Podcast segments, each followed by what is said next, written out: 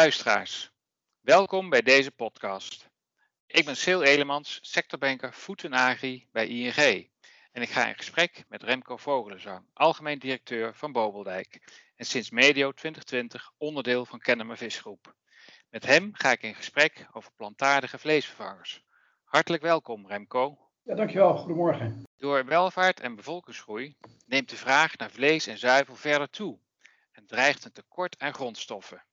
Deel van de oplossing ligt bij plantaardige alternatieven. Steeds meer mensen stappen over op een meer plantaardig dieet. Over de drijvers, hindernissen, ambities. Daarover ga ik in gesprek met Remco Vogelenzang. Voordat we beginnen over dit thema, zou ik graag willen weten of jij uh, iets moois kan vertellen over jullie bedrijf Bobeldijk. Ja, uh, over Bobeldijk valt alleen maar moois te vertellen, dus dat is niet te moeilijk. Uh, we zitten in, uh, in, in Deventer met een productiebedrijf waar we met rondom de 100 mensen iedere dag in een twee ploegendienst plantaardige producten produceren. het bedrijf begint om half zes ochtends en sluit om half twaalf avonds. Dat betekent dat er 16 uur per dag volop geproduceerd wordt en verpakt wordt. we maken een enorm assortiment plantaardige producten, van vleesvervangers tot maaltijdcomponenten, ingrediënten, en alles wat daar tussenin zit. We hebben net de Pasen achter de rug. We hebben een uh, enorme hoeveelheid uh, mini-productjes gemaakt voor de gourmet en de fondue. Uh, voor het paasdiner, zeg maar. En nou, datzelfde trend zie je met, met kerstgebeuren. Minis overal op, op de gourmet. En we maken dat elke dag weer met, nou, met veel plezier. En ehm, uh, alles wat we aan orders vandaag binnenkrijgen, wordt morgen verpakt, gaat overmorgen de deur uit. Er ligt uh, binnen drie dagen in uh, de supermarkten in Nederland, maar ook in de rest van Europa. Want we hebben eigenlijk een, een distributie door heel Europa heen. Ja, mooi zeg. Hey, het, is, het is al meer dan tien jaar geleden hè, dat Bobelwerk is begonnen met het produceren en verpakken van vegetarische producten. Maar hoe kwam het nou dat jullie zo vroeg in die markt van vleesvervangers zijn gestapt?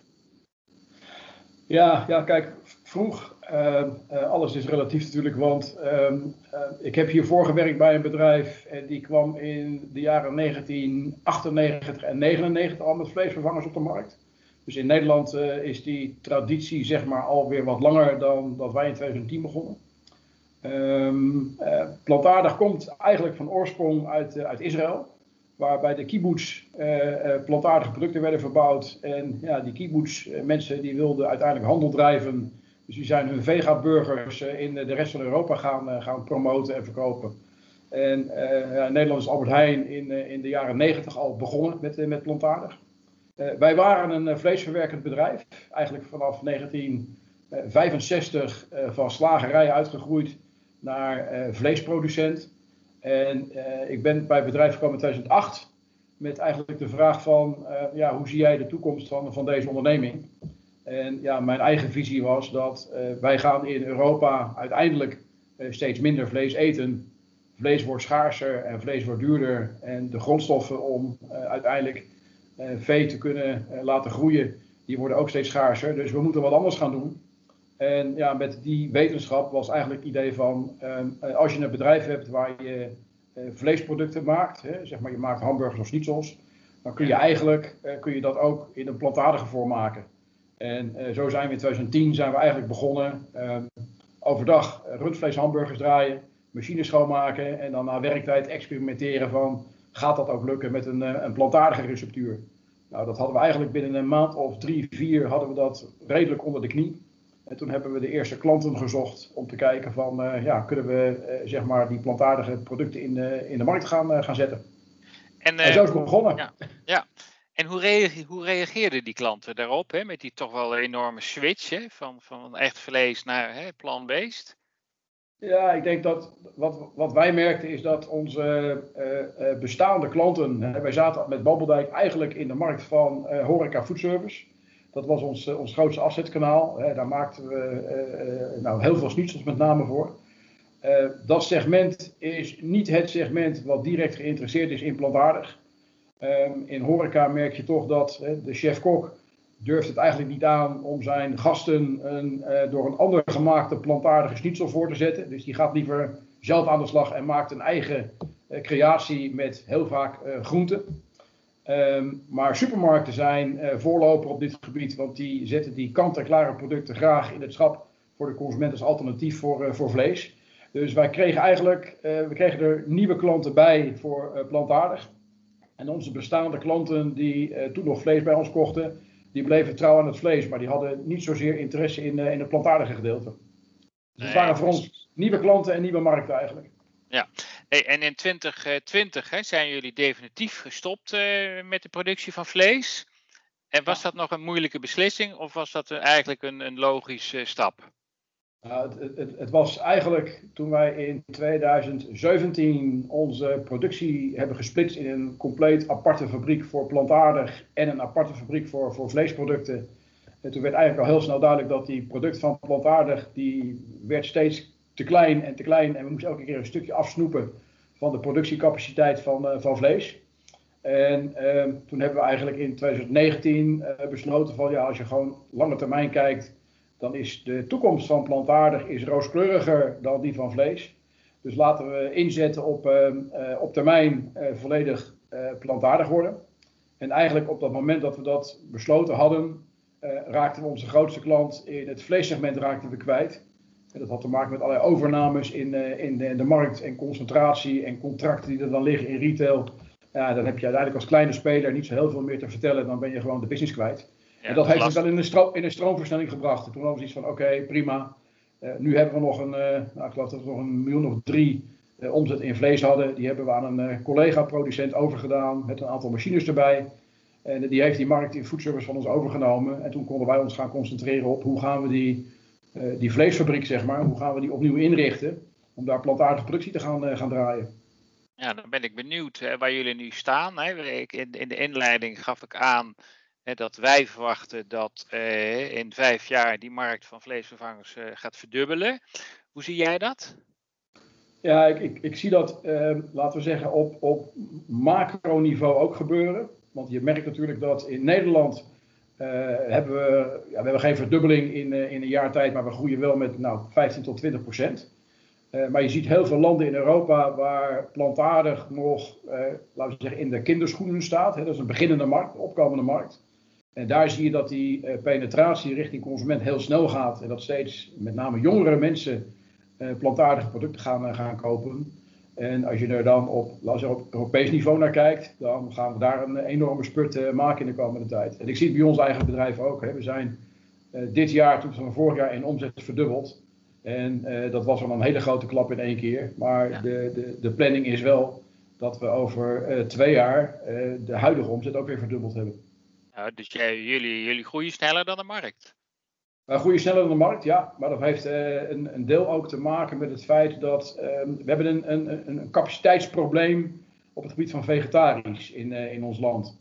Hoe bedoel je? En, nou, kijk, wij, ehm, wij produceren met een aantal fabrikanten in Nederland produceren we plantaardig voor de, zeg maar, de thuismarkt, maar we doen ook heel veel export. Dus ik denk dat meer dan de helft van wat we in Nederland produceren, dat exporteren we met elkaar als plantaardige industrie.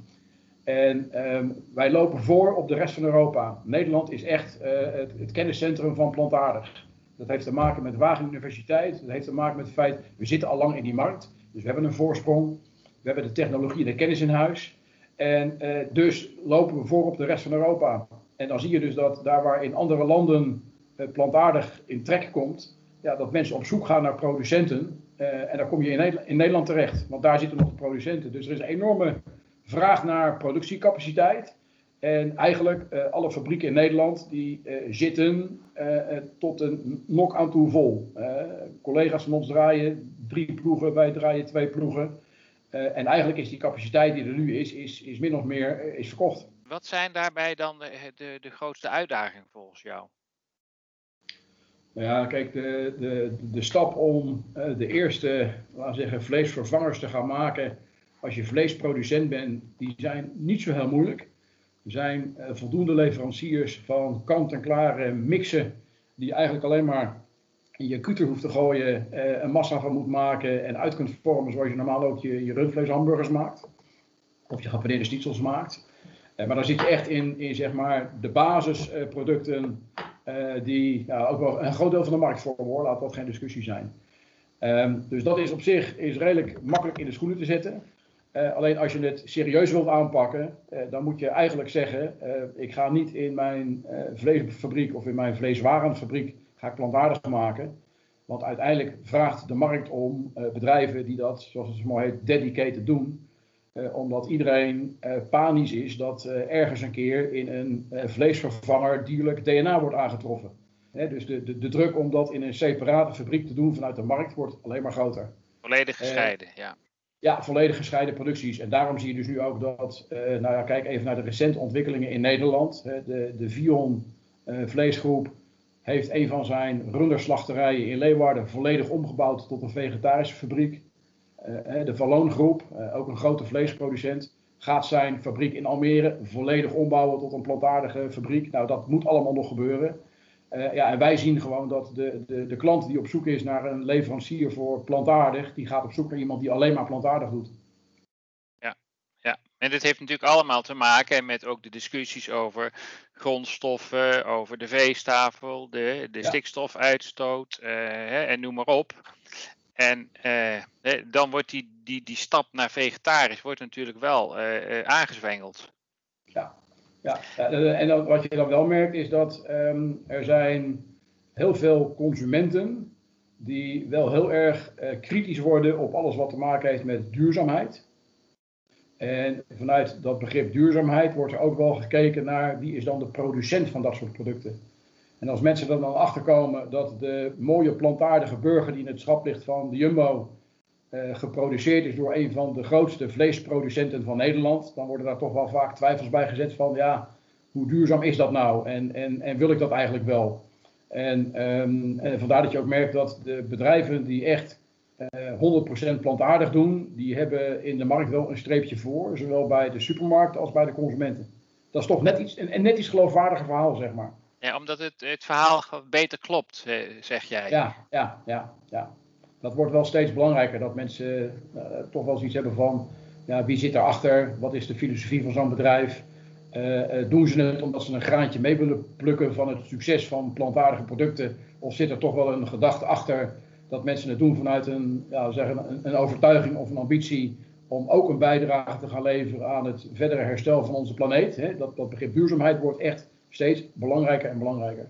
Ja, maar die groep, die, die groep believers, hè, die is natuurlijk niet heel groot. En daar moet jij het uiteindelijk niet van hebben. Nee, maar dat zijn wel de mensen die uiteindelijk, eh, eh, eh hoewel de groep klein is, maken ze heel veel lawaai, zeg ik altijd maar. het zijn wel, zijn wel de influencers. Hè. Het zijn wel de mensen die op Instagram en Facebook eh, nadrukkelijk aanwezig zijn. Het zijn ook de mensen die jouw product of jouw merk kunnen maken of kunnen breken. En ja, wat wij gewoon merken, dat is met name social media is ontzettend belangrijk voor het succes van een, uh, van een bedrijf. We hadden het net even over die enorme groei. Hè? Gaan wij mm -hmm. ook niet een grondstoffenprobleem krijgen als, als die groei zo blijft doorzetten? Ja, dat, dat, dat hebben we al. in die zin dat er is een, een, een redelijke schaarste op het gebied van getextureerde plantaardige eiwitten. Dat is eigenlijk de basis voor heel veel plantaardige producten.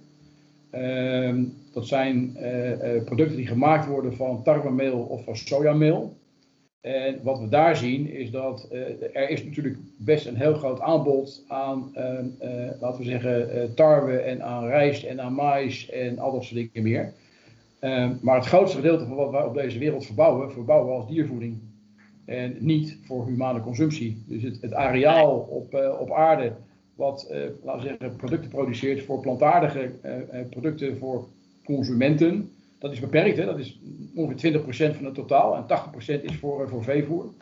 Dus wat we nu zien is dat, en dat geldt ook in de verwerking, wat we nu zien is dat de hele grote multinationals, die hele grote fabrieken hebben staan om zeg maar mais te verwerken tot maismeel voor de feed, zijn nu bezig om dat soort fabrieken om te bouwen, dat ze mais kunnen verwerken voor bijvoorbeeld de foodindustrie.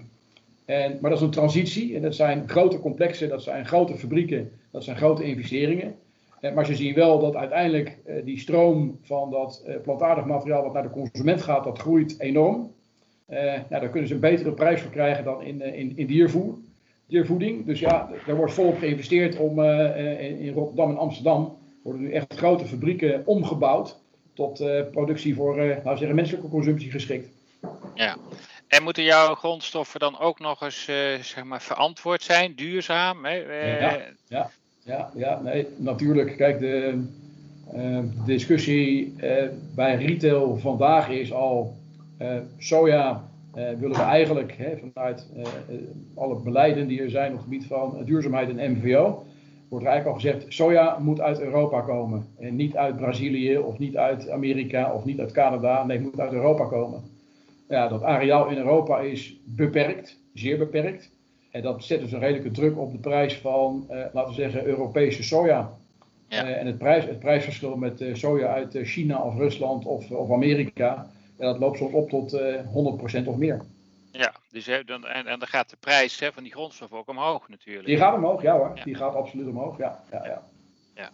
En in, in Nederland, zeg maar, soja, in Nederland is niet geschikt voor soja eh, eh, teelt. Nee, nee um, maar daar zijn, we, daar zijn wij slim in. Hè? Dan zeggen we dan, als Nederland niet geschikt is voor sojateelt, dan moeten we soja gaan ontwikkelen die geschikt is om in Nederland te kunnen telen.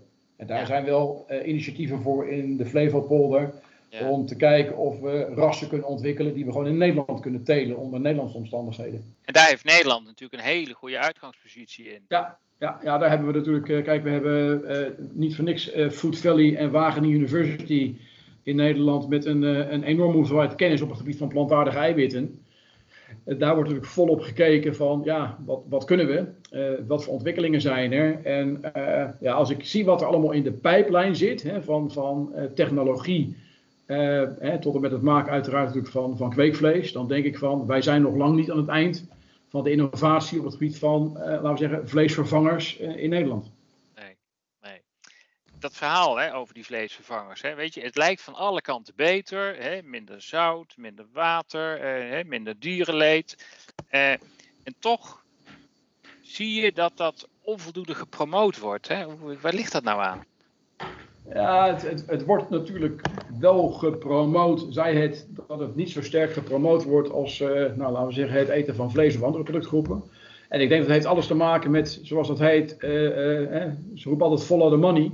Maar het heeft alles te maken met waar komt de financiering van zo'n campagne vandaan. En als je kijkt naar de campagnes in de zuivelindustrie, ja, die, worden, die zijn groot, maar die worden massaal gefinancierd vanuit de zuivelindustrie. Vlees wordt massaal, laten we zeggen, in geïnvesteerd vanuit de vlees- en vleesverwerkende industrie. En die plantaardige industrie in Nederland is nog niet zo heel groot. die genereert op dit moment in alle eerlijkheid nog heel weinig winst en cash. Want het is continu investeren, investeren in het bedrijf om maar die capaciteit te kunnen vergroten, om aan die groei te kunnen blijven voldoen. Dus zeg maar, de winstgevendheid van die bedrijven in plantaardig is nog relatief beperkt. Uh, en dus is er ook geen uh, uh, groot budget beschikbaar om, laten zeggen, op, op consumentenniveau campagnes te voeren.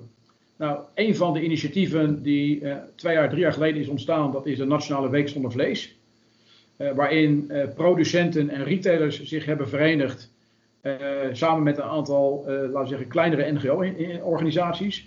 Ja, en die Nationale Week zonder Vlees, dat is nu eindelijk iets wat in de publiciteit komt. Hè, met, met allerlei campagnes en activiteiten. En dan zie je dat eh, massaal eh, Nederland in die week eh, drie keer zoveel plantaardig eet. als dat we normaal gesproken eten. En dan zie je dat ook in zo'n week. Dat, hè, dan gaan we in één keer minder vlees eten met z'n allen.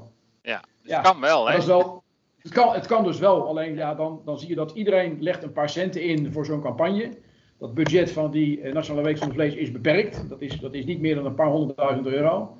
En dat is omdat iedereen meedoet, van retailer tot uh, producent. Ja. In hoeverre ben jij bezig met uh, Nutri-score, hè, die mogelijk hè, eind van dit jaar, volgend jaar echt wordt ingevoerd? Ja, kijk, omdat we natuurlijk uh, Europees werken, zitten we in Frankrijk en daar, daar is het al. Ja. Dus wij werden al anderhalf jaar geleden werden we al door de Franse klanten uh, gevraagd van uh, kun je producten uh, ombouwen naar Nutri-Score A. dus dat hebben we anderhalf jaar geleden opgepakt binnen het bedrijf. En we hebben op uitzondering van de producten waar kaas in zit, maar dat zijn ook vegetarische producten, hebben we alle plantaardige recepturen nu op Nutri-Score A. Dus we hebben het al klaar. Ja. producten voldoen er al aan. Alleen we wachten tot het moment dat de Albert Heijn en de Jumbo zeggen van zet nu ook het logo maar op de, op de verpakking.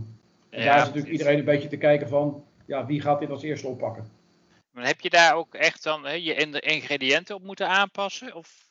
Ehm, ja, niet zozeer in ingrediënten. Het zat uh, met name in, uh, in, in plantaardige producten, zat met name in zout. Dus we moesten, we moesten echt uh, in zout reduceren. we zaten qua categorie zaten we gemiddeld op ongeveer 1,8 tot 2 procent zout in een eindproduct. En dat moest terug naar 1,1 tot 1,3. dat is een aardige reductie, hè? dat is een reductie met bijna de helft. En dat is best lastig, want dat moet je compenseren ja. in, je, in je kruidenpakket, zeg maar.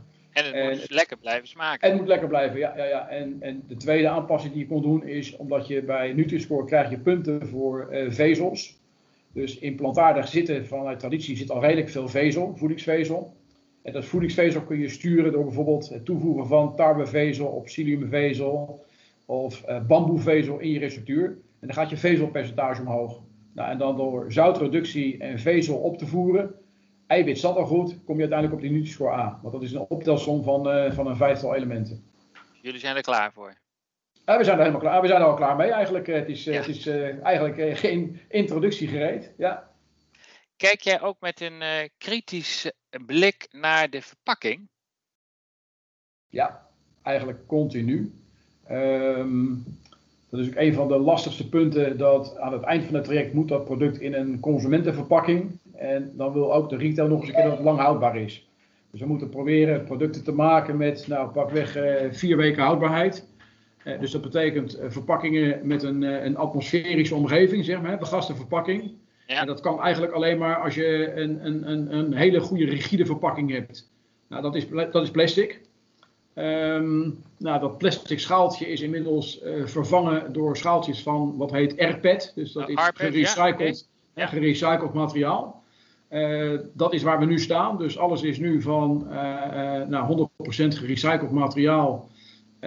maar de volgende stap zou zijn een biologisch afbreekbaar schaaltje. Nou, dat is er al wel. Dat wordt gemaakt van suikerriet. Alleen het probleem is dat dat schaaltje is 5 cent duurder dan het gewone schaaltje. Ja, en, en ik als dus consument herken het niet. Nou, je herkent het niet, dat is één. Maar je, je zou het wel willen betalen.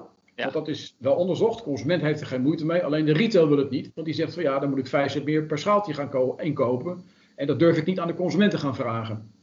Uh, maar het probleem vandaag de dag is nog wel, om eerlijk te zijn, dat de verwerkbaarheid van dat biologisch afbreekbare schaaltje, dat is nog niet geregeld in Nederland.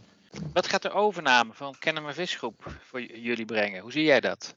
Nou ja, dat, dat, dat zien we nu uh, aan de dag uh, eigenlijk continu om ons heen gebeuren.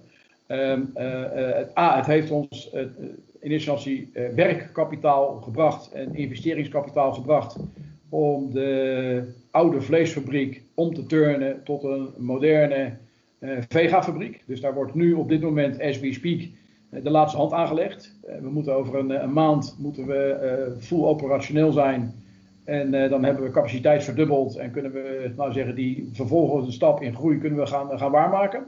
Dus zonder hiccups? Uh, laten we hopen zonder al te veel hiccups. Ja, ja, ja. ja goed, dat weet je nooit. Uh, maar goed, ik ben blij dat dat, dat, dat, hè, dat was voor ons toch wel een hele belangrijke. een goede partij aan boord halen met de bereidheid om in de business te investeren. En het tweede is dat we zien dat, ja, wat je merkt is dat met een Kennemer Visgroep als moederbedrijf hou je een stuk professionaliteit in huis. Waardoor we zien dat een aantal processen die bij ons een beetje, nou, laten we zeggen, houtje touwtje gingen, nu gestructureerder verlopen. Waardoor je ook uiteindelijk een kwalitatief betere organisatie kunt gaan, gaan neerzetten. Ja, en in de derde plaats het netwerk aan, aan klanten. Ja, mooi. het is drie keer winnen als ik het zo beluister. Ja, ja, ja, ja, Goed, gaat de markt van vleesvervangers, de traditionele vleesmarkt, op enig moment verslaan?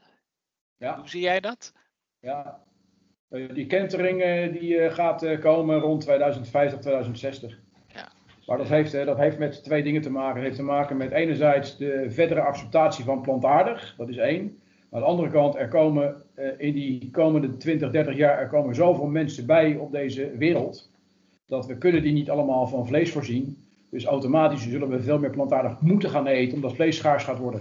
Dus het is voor een deel is het gedreven door uh, mensen die bewust die keuze maken. Maar voor een deel gaat het gedreven worden door het feit dat gewoon ja, vlees wordt schaars en dus heel duur. En heel veel mensen kunnen zich straks niet meer veroorloven. En dus zul je zien dat die, die markten die gaan, uh, die komen op 50-50 in 2050 is, is de, de, de verwachting. Mooi. Heb jij nog een tip voor ondernemers hè, over, de, over die interessante business waar jullie in zitten? Ja, ik, ik zou zeggen, uh, uh, net als bij heel veel andere nieuwe markten en segmenten, plantaardig is een enorme, interessante, uitdagende markt. gaat ontzettend veel kansen bieden voor de komende jaren. En daar dat is echt, dat is niet een, het is geen, geen hype, het is een blijver, het is een, een ontwikkeling die niet te stuiten is. En ja, hoe, hoe sneller je zorgt dat je uh, bij bent, of dat je zorgt dat je binnen je eigen assortiment plantaardige alternatieven hebt voor hetgeen wat je nu brengt, ja, des te beter is het. En dat ziet u nu in alle categorieën gebeuren. Hè. We krijgen al volledig plantaardige pizza's, we krijgen plantaardig ijs, we krijgen plantaardige chocola, we krijgen, nou verzin het maar. Dus het, het, heeft niks te maken met alleen maar vleesvervangers. Eigenlijk in alle categorieën komt dat, dat woord uh, plantaardig komt steeds nadrukkelijker boven water. Nou, dat is een mooie conclusie aan het eind van deze podcast. Uh, Remco, mag ik je hartelijk bedanken voor dit gesprek. En jullie ook bedankt, luisteraars. Hè, en voor andere podcasts wijs ik jullie naar de site van ing.nl. Nogmaals, hartelijk dank. Graag gedaan.